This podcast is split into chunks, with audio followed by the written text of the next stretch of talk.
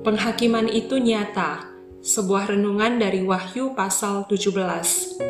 Seorang hakim disebut adil jika dia dapat menghakimi atau mengadili suatu perkara dengan tepat, di mana pihak yang bersalah akan mendapatkan hukuman yang sepantasnya, sedangkan pihak yang benar akan mendapatkan perlindungan hukum. Di pasal-pasal sebelumnya, kita telah mengetahui bahwa Kitab Wahyu ini dituliskan untuk memberikan penghiburan kepada jemaat Tuhan yang sedang mengalami penindasan dan penganiayaan dari pemerintahan Roma yang menentang iman mereka. Dalam pasal ini, kita bisa melihat penghakiman Tuhan yang nyata dan adil terhadap bangsa yang menentang Allah tersebut. Jika dalam pasal sebelumnya Yohanes telah menyaksikan penglihatan mengenai tujuh cawan murka Allah yang ditumpahkan atas seluruh bumi, pasal 17 ayat 1 sampai 19 ayat 5 dalam kitab ini berisi penglihatan secara detail mengenai apa yang akan terjadi pada Roma, bangsa yang menentang Allah itu.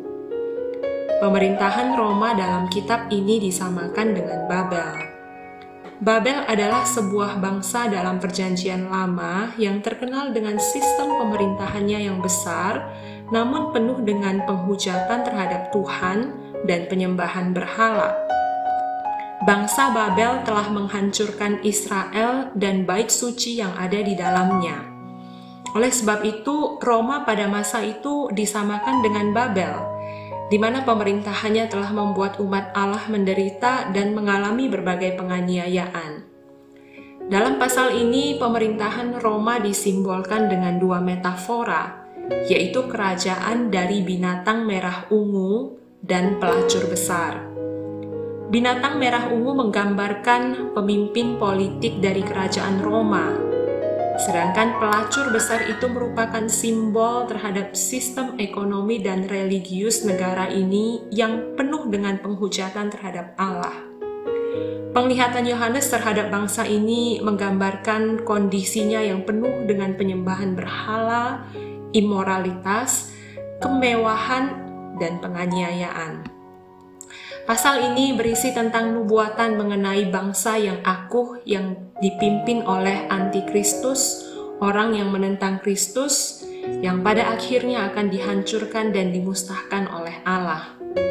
Allah menunjukkan penghakimannya yang adil dan nyata terhadap bangsa-bangsa yang menentangnya, terhadap guru palsu yang menyesatkan umat Allah. Teman-teman, jika kita tahu bahwa penghakiman Allah itu nyata, maka sebagai umat Tuhan, kita harus tetap setia kepada Allah dan hidup sepenuhnya bagi Dia.